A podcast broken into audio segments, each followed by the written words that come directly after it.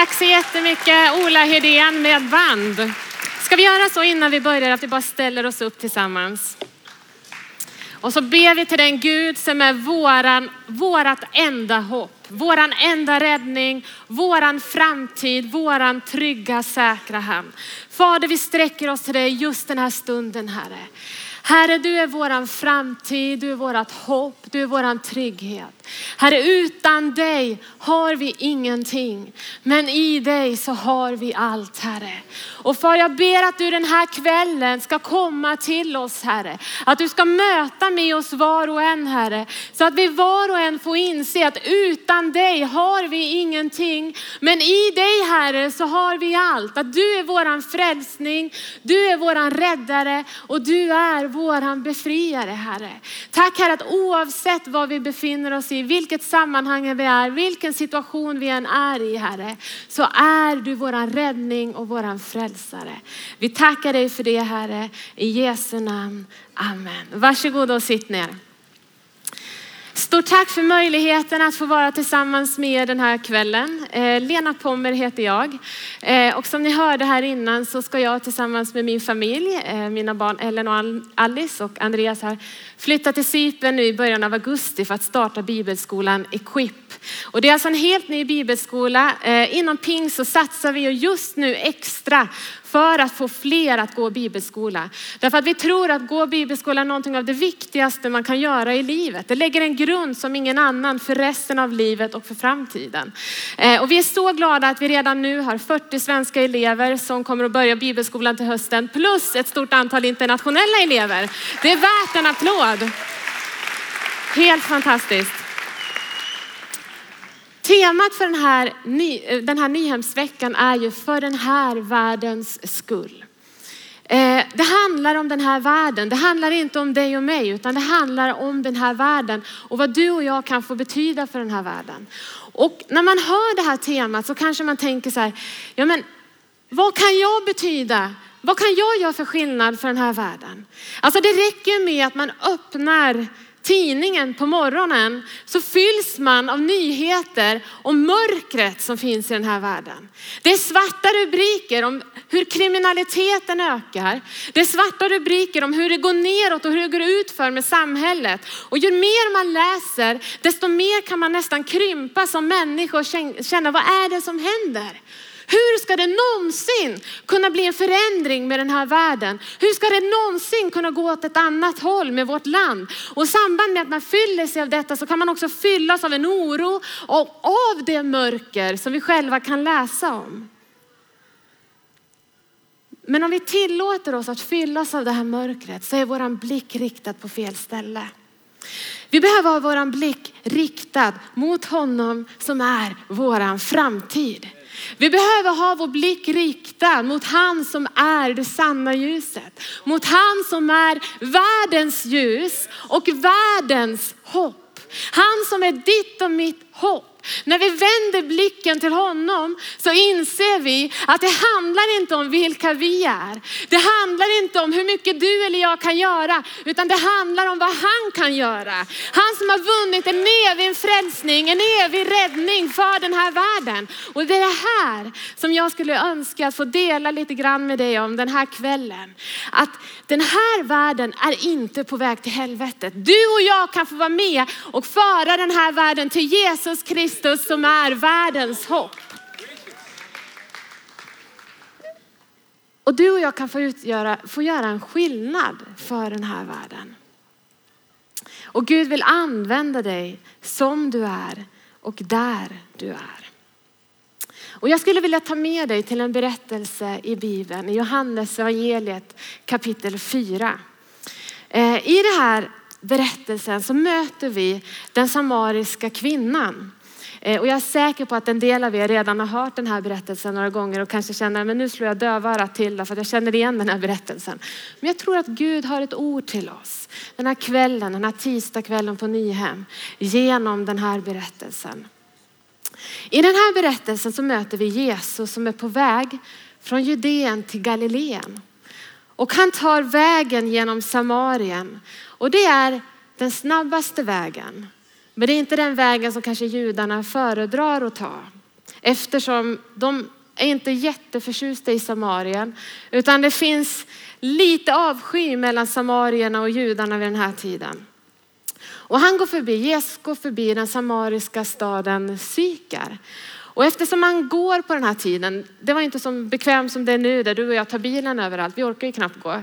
Utan han gick och han kände att nu hade han gått ganska långt och han började bli ganska trött. Eh, så när han kommer förbi staden Sykar så ser han en brunn och han sätter sig där. Lärjungarna fortsätter vidare in i staden för de är på väg och ska köpa lite mat. Eh, men han sätter sig här vid brunnen och tänker att jag måste ju få någonting att dricka. Problemet var bara att den här brunnen var väldigt, väldigt djup. Och Jesus hade ingen kruka med sig så att han liksom fick sätta sig där och vänta i förhoppning om att kanske det skulle komma förbi någon som kunde hjälpa honom och få upp det här vattnet som var så nära men ändå så långt borta. Så han sitter där och väntar. Men det liksom är ett problem och det är också det att solen liksom står som högst på himlen. Det är mitt på dagen.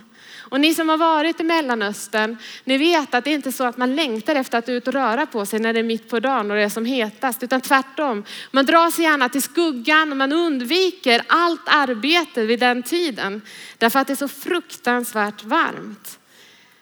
Men helt plötsligt så kommer en kvinna gående där och hon är på väg mot den här brunnen. Och vi inser när vi kommer till den här kvinnan i den här berättelsen att det här kan ju inte vara en vanlig kvinna. Det kan inte vara en normal, om ni förstår mig rätt, en normal tjej. För att vanliga kvinnor, de gick ju liksom och hämtade vatten på morgonen eller på kvällen när det inte var så hett. Alltså ingen gick ju och hämtade mitt på dagen. Det var ju, det var ju inte helt normalt. Så någonstans så inser vi att det är någonting med den här kvinnan som gör att hon inte hänger med de andra. På något sätt så är hon utstött. Hon är liksom isolerad från de här andra kvinnorna. Vi förstår liksom inte riktigt varför. Kanske är det så att den här kvinnan lever ett sådant liv att hon inte får vara med de andra. Har ni någon gång varit med om det? Att det är liksom, man vill inte associera sig med någon speciell. Därför att man känner den här personen är så speciell. Att om jag är med den personen så kommer det bli så att alla andra associerar mig med den här personen. Och då liksom kommer jag sjunka i värde. Så att inte de tycker att jag är lika mycket värd längre. För hon eller han är ju så dålig så jag kan inte vara med den här personen. Kanske tänkte de på det sättet. Eller så är det så att den här kvinnan själv tycker att det är så jobbigt att vara med de andra. För då känner hon så påtagligt att hon är utanför. Att hon inte är som dem. Att det gör att hon istället för att gå tillsammans med dem på morgonen eller kvällen och hämta vatten så väljer hon att göra det mitt på dagen när hon är säker på att få vara helt ensam. Ett säkert kort på att liksom få vara i fred och gå klockan 12 på, på dagen. Vi har ingen aning om hennes historia när vi möter henne här i den här berättelsen. Men vi inser att det är någonting som gör att hon inte är välkommen att hänga med alla andra. På något sätt så har hon misslyckats med sitt liv. På något sätt så lever hon inte upp till de här kraven som man förväntas att leva upp till som människa. På något sätt så är hon inte godkänd. Hon har inte fått den här okej-stämpeln i pannan. Utan hon är inte okejad, hon är inte godkänd av de andra. Och det här misslyckandet, den skammen som följer henne på det här misslyckandet, det isolerar henne från de andra. Så när den här kvinnan hämtar vatten mitt på dagen så blir det så otroligt tydligt för alla att hon är ju inte helt normal. Jag menar vatten behöver man varje dag, inte minst i Mellanöstern. Så tänk er då att hon varje dag så går hon med sin kruka när ingen annan gör det i den där stan. Då går hon liksom gatan fram och bara, ah, I'm sorry, I know, jag är inte helt normal, jag är ledsen, ja, men jag vet jag får inte vara mer, men nu, jag behöver ju också mitt vatten, liksom, ursäkta, nu går jag här. Vilken skam! Så fruktansvärt jobbigt att utsätta sig för detta varje dag. Och så kommer hon den här dagen till den där brunnen som hon alltid brukar göra. Men när hon kommer dit så helt plötsligt så ser hon, ah, men hallå, det sitter ju en judisk man där. Vad gör han här? Varför stör han mig? Varför sitter han vid min brunn? Hon är inte superglad för det är lite katt och råtta mellan judarna och samarierna. Men hon tänker whatever, jag ska ha mitt vatten. Jag går dit i alla fall. Han får vara där, jag struntar i honom. Jag ska i alla fall ha tag i vattnet. Men så inträffar ju det här som gör henne så förvånad. Därför den här judiske mannen, han börjar ju prata med henne. Och inte bara prata med henne, utan han ber henne dessutom om en tjänst. Han ber henne om att få vatten. Alltså, vad är det här för konstig människa? Förstår inte han vem hon är? Fattar inte han att hon är ju utstött? Man ska inte vara med henne. Man ska inte ha med henne att göra.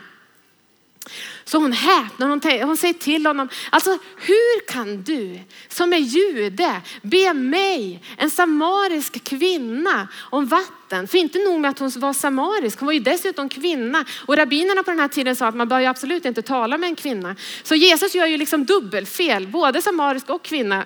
Fel, fel, fel, fel. Den här röda lampan bara lyser. Och vad svarar Jesus henne?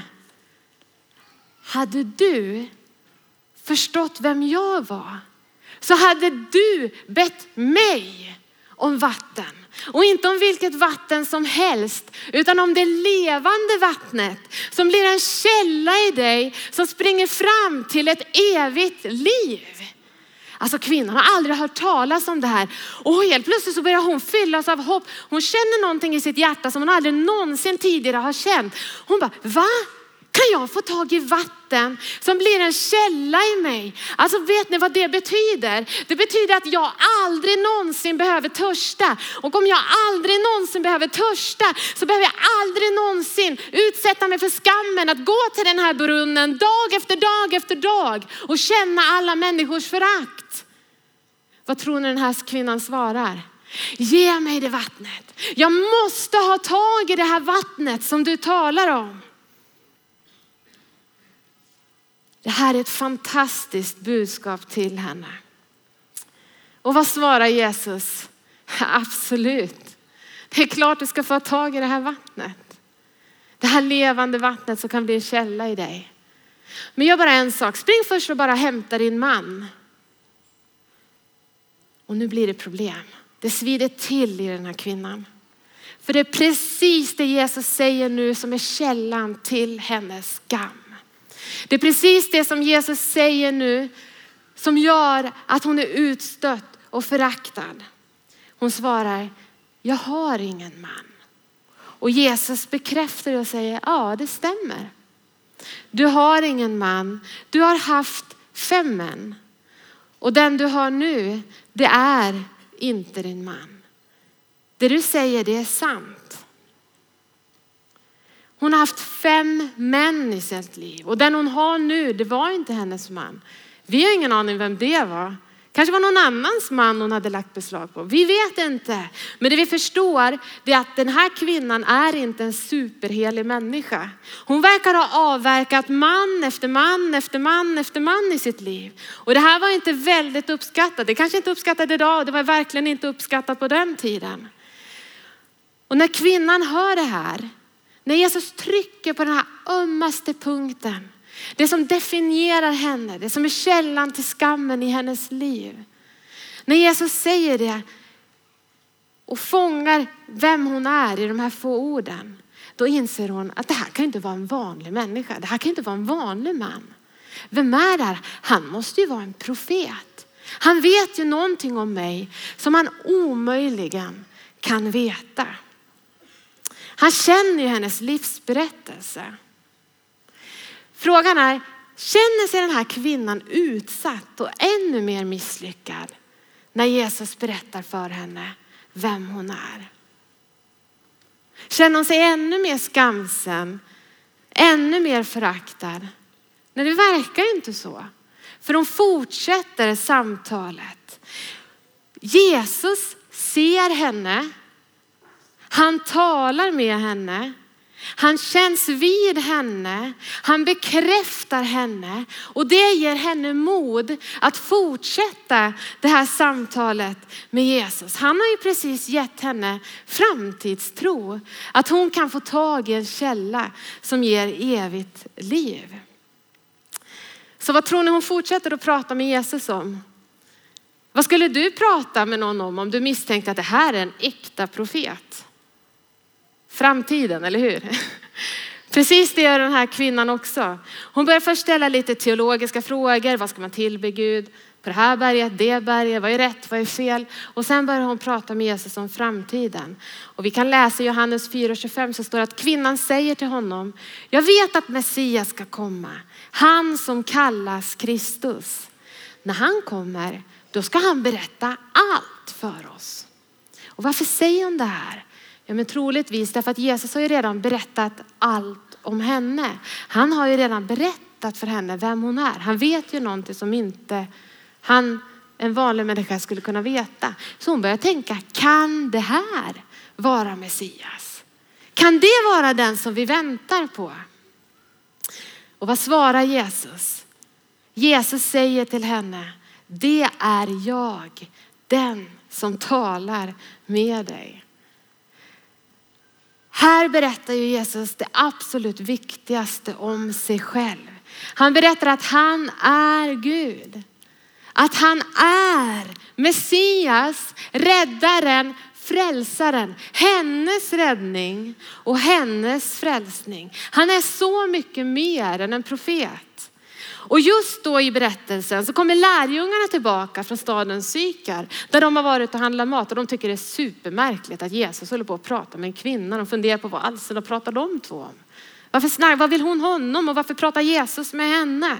Och det som händer när lärjungarna kommer och bryter av samtalet, vi vet inte ens hur hon reagerar i, i vad hon hinner inte säga någonting som svar på Jesus, men hon hinner göra någonting.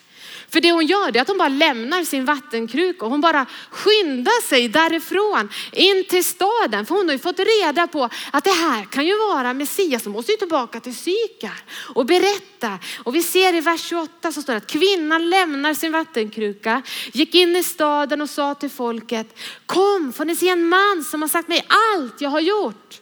Han kanske är Messias. Då gick de ut ur staden och kom till honom.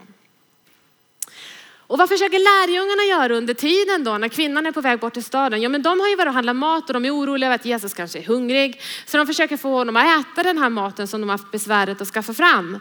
Men han är inte alls intresserad av maten utan istället så säger han, men hallå jag har ju mat som inte ni känner till. Och de fattar absolut ingenting. Va? Är det någon som har kommit med maten vi var borta? Var det det den här kvinnan gjorde? Eller vad var det som hände egentligen? Men då säger Jesus att min mat är att göra hans vilja som har sänt mig och att fullborda hans verk. Säger inte ni, ja men det är fyra månader till och sen kommer skörden. Men se jag säger er, lyft blicken och se hur fälten har vitnat till skörd. Och vad menar Jesus när han säger det? Men hallå, det är en kvinna i den stan som håller på att vittna om honom för fullt. Det är massor med människor som är på väg ut ur staden för att komma till tro på honom. Det är Jesus mat, att göra hans vilja som har sänt honom. Och vi ser i vers 39 så står det att många samarier från den staden kom till tro på honom. Genom kvinnans ord när hon vittnade, han har sagt mig allt som jag har gjort. När samarierna kom till honom bad att han skulle stanna kvar hos dem och han stannade där två dagar. Och många fler kom till tro på grund av hans ord. Och de sa till kvinnan, nu tror vi inte bara på grund av vad du har sagt. Vi har själva hört och vi vet att han verkligen är världens frälsare. Amen. Amen, underbart.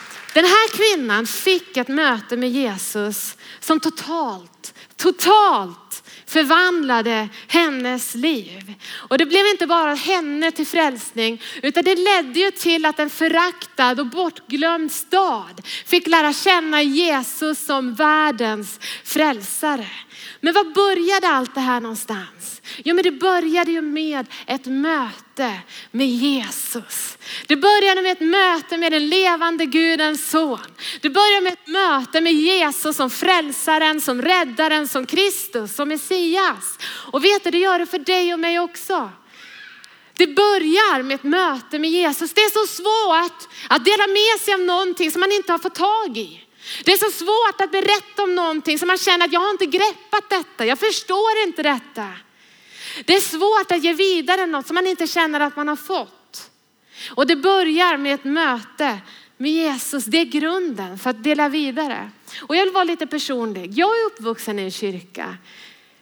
Jag kunde allt kände jag i alla fall. Om det här med vem Jesus var. Jag visste hur man skulle bete sig i kyrkan. Jag visste hur det var med vilka sånger man skulle sjunga. Jag kände att jag visste vem Jesus var här uppe. Jag hade koll på att han älskade världen. Jag hade koll på att han dog på ett kors. Jag hade koll på att han uppstod för världens frälsning. Jag hade koll på att det också betydde att jag borde göra någonting för den här världens räddning. Allt det här visste jag, men jag kände att vad hjälper det mig?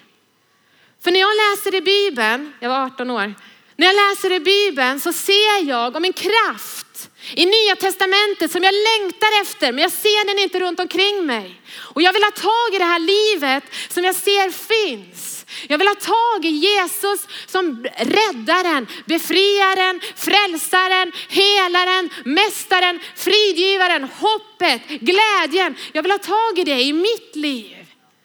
För inte får inte jag tag i det var min desperata bön som 18-åring, så kommer jag bli en bänkvärmare. Och det finns redan så många sådana och jag vill inte vara ytterligare en.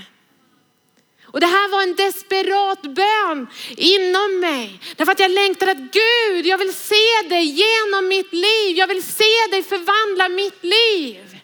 Och bär du på en sån bön den här kvällen så är det ett otroligt uppmuntrande ord till dig. Att Gud vill möta med dig den här kvällen. Gud vill komma till dig som frälsaren. Inte bara världens frälsare utan din frälsare.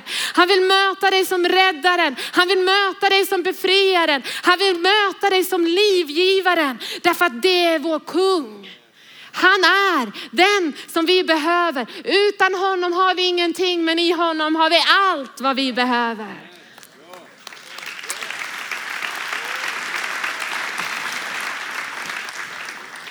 Och den här sommaren när jag hade den här bönen på mitt hjärta så fick jag möta Jesus. Jesus Kristus som min frälsare. Den sommaren, ni vet, har ni någon gång var det med de här godisautomaten eller vad det nu är för någonting. Ni vet man stoppar in ett mynt, jag vet inte om de fortfarande finns, de fanns då. Man stoppar in ett mynt, man vrider på någonting och så utkommer det godis eller så kommer det leksaker beroende på vilken ålder man är i. Eh, så kändes det för mig. Det var precis som att någon vred på det handtaget så myntet trillade ner härifrån ner i mitt hjärta. Helt plötsligt så fattade jag att det här med att Jesus älskade mig, det var inte bara en teori. Han älskade mig. Jesus hade dött för mig och det här förvandlade mitt liv. Det gjorde att jag sen drog till Ryssland och var med och eh, planterade församlingar. Det gjorde att jag jobbade senare i Afrika och Mellanöstern och var inte orolig. Du behöver inte göra någonting av det här. Därför att du har inte har samma kallelse som jag har på mitt liv. Men Gud har en kallelse på ditt liv. Och när muntet trillar ner i ditt liv så kommer det leda till att du vill leva för honom. Och du sträcker dig ut på ett sätt som du kanske aldrig ens hade kunnat våga drömma om. Därför att Gud har en kallelse på ditt liv. Gud har en kallelse på våra liv. Han vill förvandla den här världen genom dig och mig. Han vill använda oss. Men först så vill han låta det här myntet trilla ner i hjärtat. Han vill ge ett möte till dig, ett möte med Jesus. Hur får vi tag i det här? Ja, men vi får tag i det när vi gör precis det vi gör nu. Vi lyssnar till ordet. Vi öppnar oss för Gud. Vi får det här mötet genom att gå fram för förbön och be om att få möta honom. Vi får det här mötet när vi öppnar oss för andra människor runt omkring oss, deras omsorg och deras kärlek. Och vet du, det är så spännande för att Jesus mötte den här kvinnan mitt i hennes verklighet, mitt i hennes vardag. Och där vill Jesus möta dig. Mitt i din verklighet och mitt i din vardag. För Jesus möter dig där du är. Den här kvinnan var inte perfekt. Hon var verkligen i ett helgon. Det har vi redan förstått. Hon var utstött. Och hon påmindes varje dag om sitt misslyckade liv. Och vad möter Jesus henne? Precis där vid brunnen, på hennes lägsta punkt, där hon känner sig mest utsatt för allas förakt. Där möter Jesus henne och han känns vid henne och han avslöjar henne. Han berättar för henne vem hon är. Han trycker på den här ömma punkten i hennes liv. Men det intressanta är att han avslöjar henne på ett sätt som ger henne hopp. som ger henne framtidstro. Och han avslöjar inte bara vem hon är, utan han avslöjar även vem han är. Han är Messias, han är hennes frälsare, hennes räddare. Och det är det här som händer i ett möte med Jesus. Ibland är vi så nervösa för att möta Jesus, för vi tror att vi ska bli helt dömda, avslöjade, skamsna. Men Jesus möter oss inte och dömer oss inte, han sätter oss fria. Jesus möter oss som frälsaren och räddaren. Vi behöver inte vara oroliga. Vi kan vara frimodiga och komma och springa till honom sådana vi är. För han vill möta oss precis där. Och det är det här som händer i ett möte med Jesus. Vi förstår vilka vi själva är, men vi förstår också vem han är. Och vi förstår vårt desperata behov av honom. Den frälsning som Jesus ger, den gör oss så fria. Och det är så fascinerande att se den här kvinnan, för vad händer efter att hon har mött Jesus? Ja, men hon springer tillbaka till staden och berättar om honom. Om hon hade känt sig dömd, hur tror ni hon hade reagerat? Dömda människor sänker blicken, försvinner in i väggen och letar efter luckan i golvet och hoppar ner liksom. Dömda människor vill inte synas, vill inte höras, de vill bara försvinna. Fria människor, de talar. Fria människor lyfter blicken. Fria människor vågar synas. Fria människor vågar tala. Och det är det den här kvinnan gör. Hon är inte dömd längre. Hennes skam har blivit bruten. Jesus Kristus bröt skammen över hennes liv. Så hon går tillbaka till staden som föraktar henne. Hon springer tillbaka och berättar, ni måste möta mannen som har satt mig fri.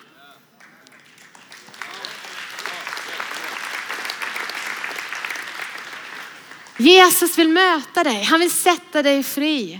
Kanske trycker det någonstans nu i ditt hjärta på en öm punkt. Var inte orolig. Jesus kommer inte få döma dig. Han kommer för att rädda dig och sätta dig fri.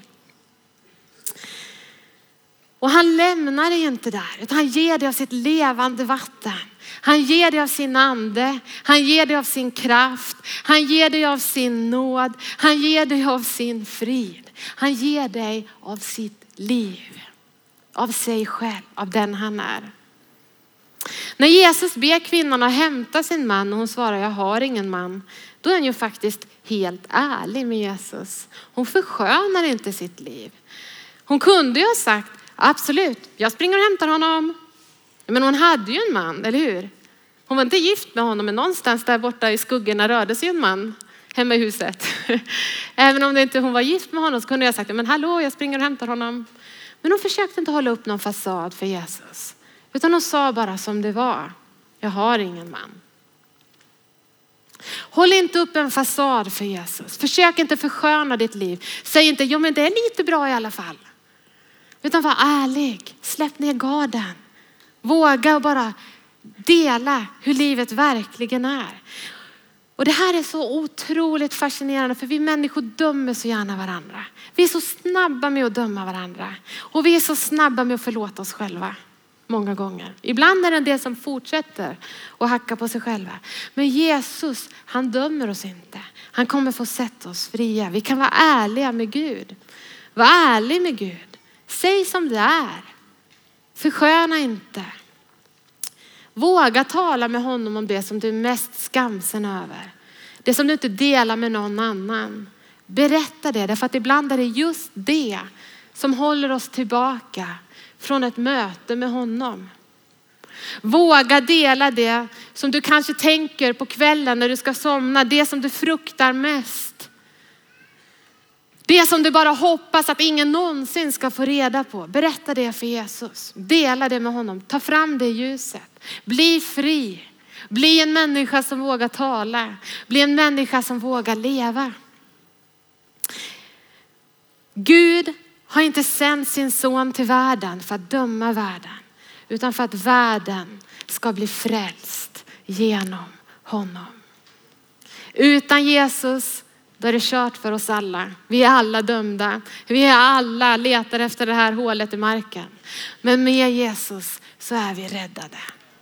Utan honom är du redan dömd. Men med honom är du redan räddad och friköpt. Och vet du, Gud vill använda dig som du är. Vi behöver inte vara perfekta för att vittna om Jesus. Så länge så trodde jag att det var målet med mitt liv. Jag trodde att jag skulle vara så perfekt som möjligt för att genom min perfekthet visa på vem Jesus är. Och det här blir ju hopplöst för vi är inte perfekta. Jag är inte perfekt. Och det här gör ju någonstans att man bara räcker ju absolut inte till. Ingen av oss når fram. Den här samariska kvinnan var långt ifrån perfekt. Hon var ju så operfekt att folk inte ens ville vara med henne. Men hon mötte Jesus och det ledde till att hon gick tillbaka till staden och berättade om vad hon varit med om. Tänk att hon som tidigare liksom i skam gick ut ur stan, nu sprang tillbaka till stan för att berätta för dem, kom och möt honom som har förvandlat mitt liv. Och hon säger så här, kom ska ni få se en man som har sagt mig allt jag har gjort. Han kanske är Messias och då kan jag tycka, är inte det lite överdrivet? Han har inte alls sagt allt som du har gjort. Han har ju bara sagt någonting av vad du har gjort. Men för henne var det ju allt, det var ju det som definierade henne. Det var ju där hon hade sin identitet. Det var ju det som hon varje dag bar på och som gjorde att, som formade henne och som isolerade henne. Jesus kände vid henne, han bröt skammen över hennes liv. Och det var det hon berättade om när hon kom till stan. Hon sa det liksom, kom och se han som jag har fått möta, Messias, frälsaren. Och det här tycker jag är så fantastiskt, för det handlar inte om att vi ska vara perfekta, utan det handlar om att vi pekar på honom som är perfekt. Vi kan aldrig bli perfekta, men det finns en som är perfekt och han kan vi peka på genom våra liv. Våga och dela ditt icke-perfekta liv med människor runt omkring dig. Våga berätta om att ja, jag är inte perfekt. Jag har precis som du massa problem i mitt liv, men jag litar på någon som är större än mig och som är perfekt. I honom har jag min trygghet och där har jag min frid. Ni vet Avicii gick ju precis ur tiden på ett otroligt tragiskt sätt. Och jag blev så ledsen när jag läste om vad hans närmaste familj sa. De sa det att han sökte friden men han fann den inte. Och därför så gick han ur tiden. Så många människor som söker frid i vårt liv idag. Och vi som har funnit friden, låt oss dela med oss till andra människor om den friden vi har funnit. Vi behöver inte vara perfekta. Det räcker att vi pekar på honom som är perfekt. Det räcker att vi delar vad vi själva har fått vara med om. Det är mer än nog. Gud använder dig precis som du är med ditt bagage, med dina erfarenheter. Jesus har levt det här perfekta livet, i ditt och mitt ställe. Och för mig också så har det här varit, som jag nämnde tidigare, så har det bara gjort mig så fri att dela mitt liv med mina vänner, mina grannar. Att liksom vara, jag behöver inte vara någon speciell, jag kan vara jag. Och jag kan bara vara den jag är och så bjuder jag in människor i mitt liv. Och det har gjort att man har fått komma i situationer där man har fått dela förtroenden, där man har fått dela sin tro på sätt som man kanske inte själv hade räknat med. Som när min 30-åriga granne som har två små barn kommer in och storgråter. Lena, jag har fått cancer. Och då känner man, Gud i himlen, jag har ingenting. Jag kan inte göra någonting. Kom så sätt oss här och så ber vi tillsammans. Jag vet du är inte troende men jag har ingenting att komma med. Låt oss sträcka oss till den Gud som jag tror på för ditt livs skull. Låt oss sträcka oss till Gud tillsammans. Och det här är någonting som du och jag kan göra för att det handlar inte om vilka vi är. Utan det handlar bara om att bjuda in människor mitt i våran tvätt. Tänkte jag, när man har haft tvätten i soffan, jag kan bara erkänna det, den ligger där ganska länge för många dagar för mycket liksom, innan man viker ihop den och eh, stoppar in den i skåpen. Okej, bjud in folk ändå. Dela livet. Du behöver inte vara perfekt. Det finns en som är perfekt. Låt oss peka på honom. Det räcker. Gud vill använda dig där du är. Kvinnan gick till sin stad, till sina grannar och till sina vänner. Det naturliga är ju att vi sträcker oss ut till dem som vi har nära oss. Det naturliga är att vi sträcker oss ut till våran stad, ut till våran by, ut till våra grannar, ut till våra kollegor, på vår skola, i vår klass, i vår, bland våra arbetskompisar. Där är vår stad. Där kan vi nå ut. Där finns det ett förtroende. Vilka människor finns i din värld? Vilka kan du nå ut till? Gud vill använda dig i din stad, bland dina vänner. Gud vill nå din värld. Och jag kan ju tycka att den här kvinnans vittnesbörd, det var väl inte så märkvärdigt. Vad är det hon säger när hon kommer tillbaka till staden Sikar? Ja men säger ni måste komma och se, kan han vara Messias? Hon säger ju inte ens, han är Messias, utan kanske han är Messias. Och vet du, du och jag behöver inte ha alla svar. Det räcker med att vi säger, kom, se, möt den som jag har fått möta. Det finns någon som har gett mig frid. Vet ni, jag bad tidigare på det här. Innan hade jag problem med det här. Innan så var det så här i mitt liv. Och sen fick jag frid. Kan det vara Gud som har gjort det här för mig? Vet du, jag bad till Jesus och det här hände i mitt liv. Tror du inte det var Jesus som svarade på bön? Alltså det behöver inte vara märkvärdigare än så för att dina grannar, kollegor ska bli nyfikna på, alltså vem är det du tror på? Vad är det som händer i ditt liv? Jag märker att du är sån som jag är. Men det finns någonting i ditt liv som bär dig, som lyfter dig. Det finns någon du ropar till. Det finns någon du kallar på i livets situationer och som du hämtar din kraft och styrka hos. Vem är det du har kontakt med där uppe? Vem är det? Och så skapas det en nyfikenhet. Vi behöver inte ha alla svar, men vi kan peka på han som är svaret. Vi behöver inte veta allting, men vi kan peka på honom som vet allt om alla. Och folket i den här stan går ut för att möta Jesus. Och här kan inte jag mer än le lite grann för mig själv, för jag tycker det är så komiskt att, jag menar lärjungarna har ju precis varit i den här stan, eller hur? Vi läste ju innan att de var ju där faktiskt och handlade mat. Jag menar hallå, de hade ju gått med Jesus lite längre än den här kvinnan. De kände Jesus lite mer. De hade hört honom predika några gånger fler. Den här kvinnan hade ju nu pratat med Jesus några minuter, men lärjungarna hade väl alltså gått med honom ett antal dagar, ett antal timmar, ett antal veckor, ett antal månader. Vem var det liksom som hade examen i teologi där? Ja, det var väl snarare dem. Men vem var det som nådde ut till stan? Ja, men det var ju den här enkla kvinnan. Vi behöver inte ha all kunskap. Vi behöver inte veta allting, utan det räcker med att vi får möta Jesus Kristus som frälsare. Folket i stan de såg ju skillnad på den här kvinnan. Hallå, hon som gick med sin kruka mitt på dagen. Hon springer tillbaka mitt på dagen utan kruka. Hon har mött, det har hänt någonting. Hon talar om sitt liv, om sitt förflutna utan den här blicken neråt. Hon talar frimodigt om sig. Vad har hänt? Det är ju maximal skillnad. Kvinnan hade ju ingång i den här staden. Det hade inte lärjungarna. Vem har ingång på din arbetsplats? Vem har ingång till din klass? Vem har ingång i ditt neighborhood, grannområde? Vem har ingång där du bor? Det är vi. Det är du, det är jag, det är ingen annan. Vi är ju Jesus i vår värld. Vi sprider ju honom, vi visar vem han är i vår värld. Gud använder den som är villig. Spelar ingen roll vilka meriter som han har bakom sig, utan han använder oss för att han kan och för att han vill. Min sista punkt, sen lovar jag att jag snart ska sluta. Vet du, Gud möter dina vänner som de är och där de är. Vi kan inte läsa om att det hade varit en förberedande liksom väckelsekampanj i staden Sikar innan Jesus kom dit och mötte med den här befolkningen. Utan de levde sina vanliga liv och mitt i deras vanliga liv så möter Jesus dem. Vet ni, ibland så klagar vi på människor runt omkring oss. Ja, men de är inte redo att möta Gud.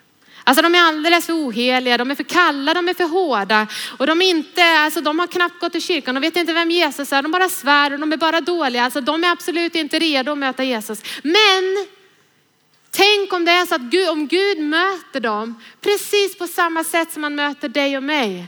Som de är, där de är. Mitt där de är kalla och hårda och liksom stängda, hårda pannor och stängda hjärtan. Tänk om Gud möter dem precis som de är, där de är.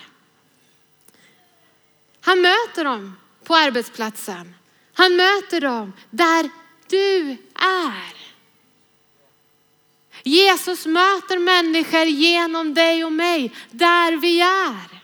Det finns inget annat sätt som han möter människor på än genom oss. Vi är hans ljus som lyser i den här världen för att sprida hans stora ljus. Sprida det stora hoppet, budskapet om frälsningen. Det handlar inte om att du måste få med dina vänner till kyrkan och att de måste möta liksom kyrkan. Det handlar först och främst om att de måste få möta dig. De måste få möta dig. Jesus bor i dig. På din arbetsplats, där du befinner dig. Samarierna kom till Jesus på grund av vad den här kvinnan berättade. Det var vad hon sa som gjorde att de kom. På samma sätt så kan dina vänner komma till Jesus på grund av dina ord. På grund av ditt liv. På grund av att du vågar dela ditt operfekta liv. Du behöver inte kunna allt. Du behöver inte ha alla svar. Du behöver inte veta vad du ska svara på något teodicé-problem om Jesus kan lyfta en sten som är större eller Gud än honom själv. Alltså, don't care about it. Det är inte relevant. Människor söker inte efter svar på sådana frågor. De söker svar på livets frågor. Vem kan ge mig frid? Vem är min trygghet? Vem är min framtid? Vart är jag på väg? Berätta, var kan jag hitta ljus i mörkret? Det vill människor veta. Det har du och jag fått tag i.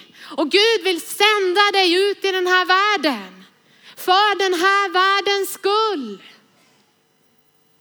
Han är det sanna ljuset som lyser över människorna. Han är det sanna ljuset som lyser genom ditt liv. Oavsett om du tror det eller inte så är du ett ljus. Du lyser där du befinner dig. Och Gud vill låta dig tala tydligt. Han vill låta din blick lyftas. Så att du kan återspegla det ljuset som han har gett dig. Dina vänner kan säga samma sak som kvinnans grannar och vänner. Nu tror vi inte bara på grund av vad du har sagt. Vi har själva hört och vi vet att han verkligen är världens frälsare. Jesus är världens frälsare. Jesus är ingen husgud som du och jag har i våra hem för att känna oss trygga och må lite bättre. Jesus Kristus är världens frälsare. Jesus sändes från himlen till världen. Jesus föddes till den här världen. Han blev människa. Han levde i världen. Han dog för världen. Han uppstod för den här världens skull. Jesus är världens frälsare. På samma sätt som Jesus sändes till den här världen så har Jesus Kristus sänt dig och mig ut till den här världen. I Johannes 2021 står det som Fadern har sänt mig. Bli människa, var ett ljus, leva för den här världen. Så sänder jag er. Det handlar inte om att du ska bli annorlunda för att kunna utföra det här uppdraget. Utan du har redan vad som krävs. Den helige ande bor i dig. Och Gud använder dig som du är och där du är. Och han sänder dig ut i din värld för att kalla dina vänner, dina kollegor, dina arbetskompisar, dina klasskompisar till sig själv. Han som är världens frälsare. Men vet ni, som jag nämnde tidigare, det är svårt att inte dela, att dela med sig av någon som man inte själv känner att man har mött.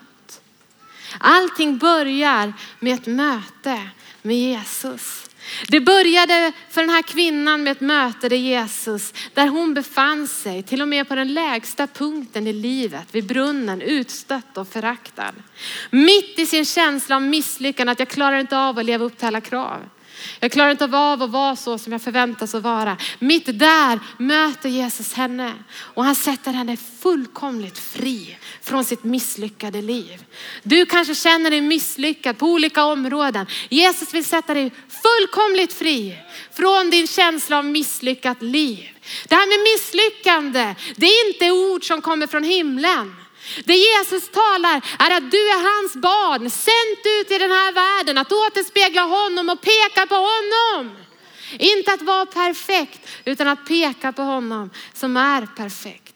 För att Jesus vill möta dig där du är. Han vill möta dig och ge dig av sitt levande vatten. Han vill ge dig av sin kraft, av sin nåd, av sin heliga ande. Och han vill möta dig redan den här kvällen. Ikväll kan du få påbörja en ny resa med Jesus Kristus. Kanske sitter du här som känner att jag har aldrig fått möta honom. Då är det din kväll ikväll. Ikväll vill Jesus Kristus möta dig. Ikväll vill Jesus Kristus sätta dig fri från det som du tycker formar ditt liv, som präglar ditt liv av misslyckande. Din identitet som håller dig tillbaka är inte den identiteten som Gud har kallat dig till. Du är hans barn, fri att vara fri, satt att vara fri och tjäna honom.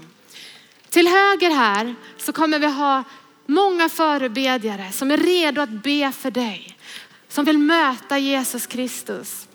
Du som känner att jag har hört så otroligt mycket om Jesus, men myntet har aldrig trillat ner här nere. Myntet har aldrig trillat ner. Jag fattar inte att han älskar mig. Det är bara en teori, ungefär någonting som jag läser i skolboken. Jesus vill möta dig den här kvällen. Han vill påbörja en process i ditt liv där han får sätta dig fri. Om du känner att du vill ha ett möte med Jesus, välkommen fram. Så finns det människor här redo att be för dig. Att be om att du får bli satt fri. Och om du är här den här kvällen som känner att jag vill bli använd av Gud. Jag vill bli använd av Gud och sänd till den här världen. Jag vet att jag är kallad att jag ska gå ut i min värld, men jag har inte haft frimodigheten att göra det här. För jag har trott att man ska vara perfekt. Jag har trott att man ska vara fullkomlig och jag har aldrig vågat för jag har aldrig känt att jag räckt till. Gud vill sätta dig fri. Gud vill sätta dig fri till att peka på honom som är perfekt.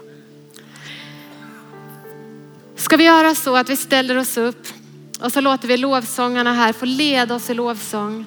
Och så vill jag uppmuntra dig som är här. Låt det här få vara en helig stund. En helig stund när vi avgör oss för Gud. När vi säger till Jesus, när vi erkänner vårt beroende av honom. När vi inte håller upp en fasad och säger att okej, okay, men det är väl ändå bra. Utan att vi istället säger Jesus, så här är det, så här ligger det till. Möt mig där jag är. Använd mig som jag är. Sänd mig ut i världen där jag befinner mig i min värld. Och låt det här få vara en bön från oss alla där vi står just nu. Att använda oss Gud där vi är som vi är. Och du som vill ha ett möte med Jesus, du som vill bli fri från ditt, eh, ditt förflutna, det som håller dig samman. Välkommen till förbön.